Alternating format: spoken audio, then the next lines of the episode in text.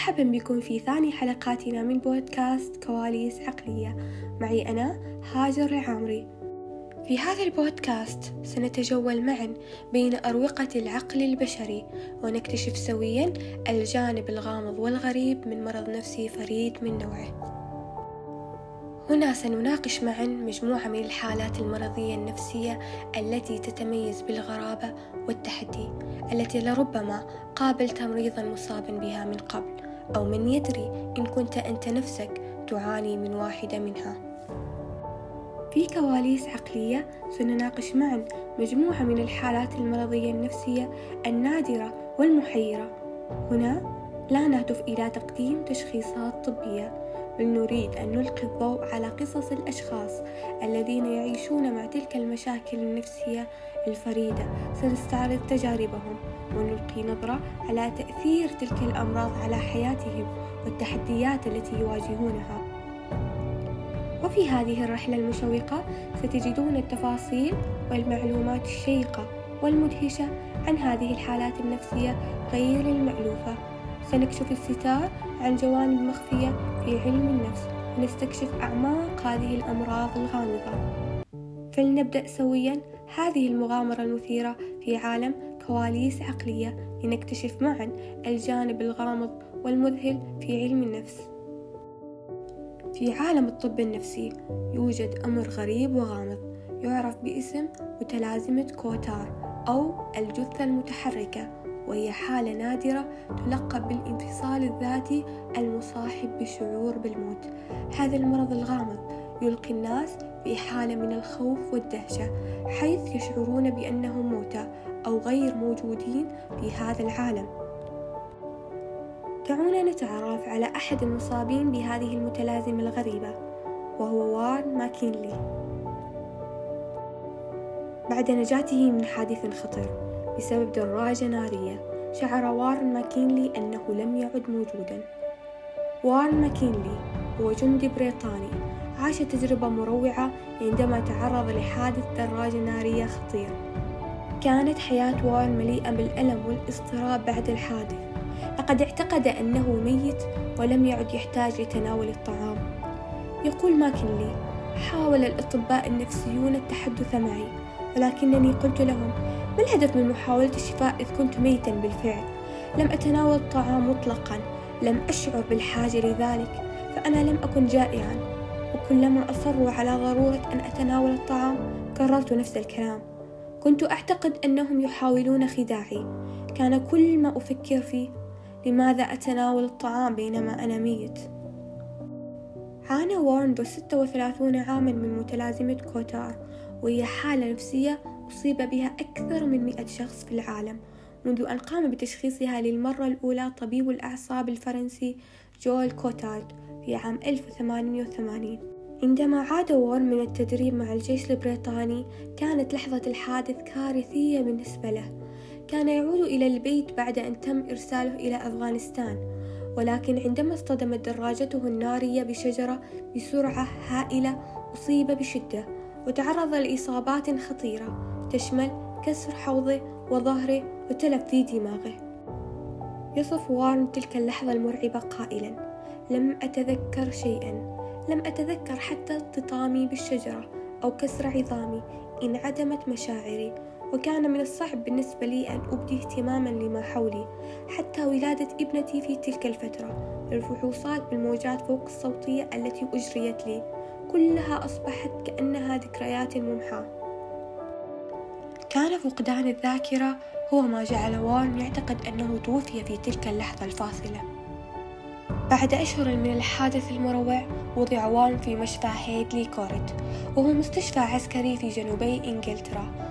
هذا المكان كان يشبه غرفة انتظار الأشباح بالنسبة له. كانت الجراحات المروعة وقصص الموت في مناطق الحرب تحيط به مما أدى إلى تصاعد اعتقاده بأنه في حياة ما بعد الموت. سئل وارن عن سبب بقائه في ذلك المشفى المرعب وعدم اختياره المكان الذي يشاء. رد قائلا اعتقدت أنه كان عقابا بالنسبة لي.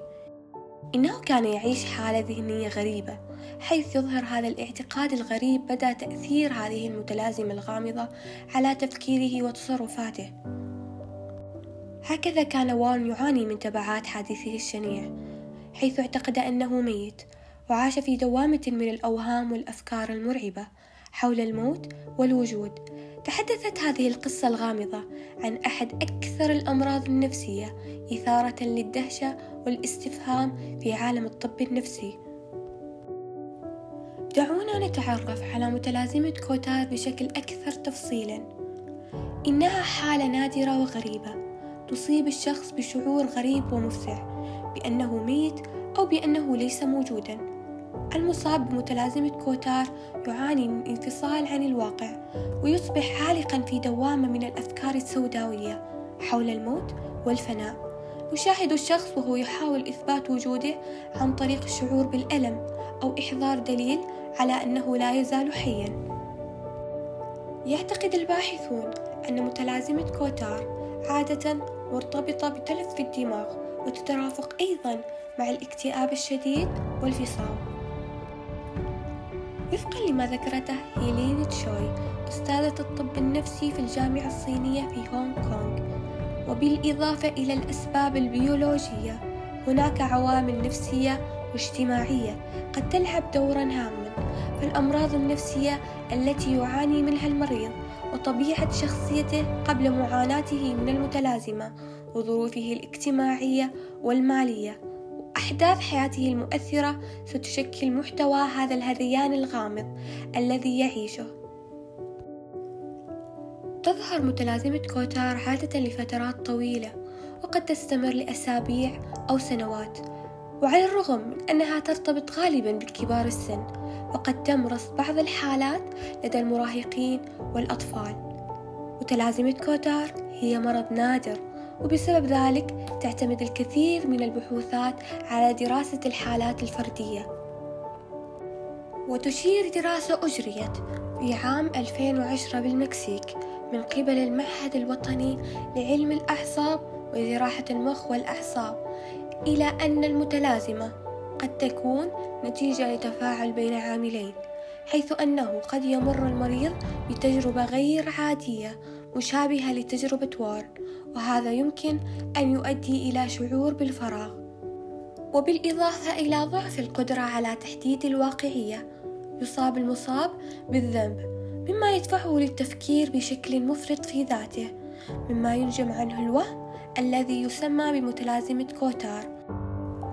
وفقا لنتائج البحث تظهر الإشارات العصبية انخفاضا حادا في معدل الأيض في مناطق الدماغ المسؤولة عن التأمل. وتقلصا أو زيادة في حجم الدماغ بالإضافة إلى أضرار في جزء من أجزاء الدماغ وراء الجبين الذي يتحكم في الأفكار والمنطق والسلوك. وفي حالة وارن كان لقاؤه بمريض آخر يعاني من نفس حالته سببا في تحسن حالته تدريجيا بعد عودته. ويختتم حديثه قائلا قد يبدو غير مناسب أن أقول هذا. إلا أنني الآن أضحك عندما أفكر في ذلك. في ختام حلقة اليوم من كواليس عقلية أود أن أشكركم على المشاركة معنا في هذه الرحلة الشيقة إلى عالم الأمراض النفسية النادرة. نأمل أنكم استفدتم من القصص الغريبة والمعلومات المشوقة حول متلازمة كوتار وأنها أثرت في ثقافتكم النفسية وفهمكم لعالم العقل البشري. ولا تنسوا أن عالم النفس والعقل يحمل الكثير من الألغاز والمفاجآت ونحن سنواصل استكشافه سويا في حلقاتنا المقبلة. وهناك الكثير من الأمراض النفسية النادرة والمثيرة للاهتمام بانتظارنا. وسنسعد بمشاركتكم لحظات مثيرة وقصص رائعة من عالم كواليس عقلية. شاركوا حلقتنا مع من تحبون ودعوهم يشاركون في هذه الرحلة المشوقة معنا. إلى اللقاء في حلقتنا القادمة. وداعا وإلى لقاء آخر.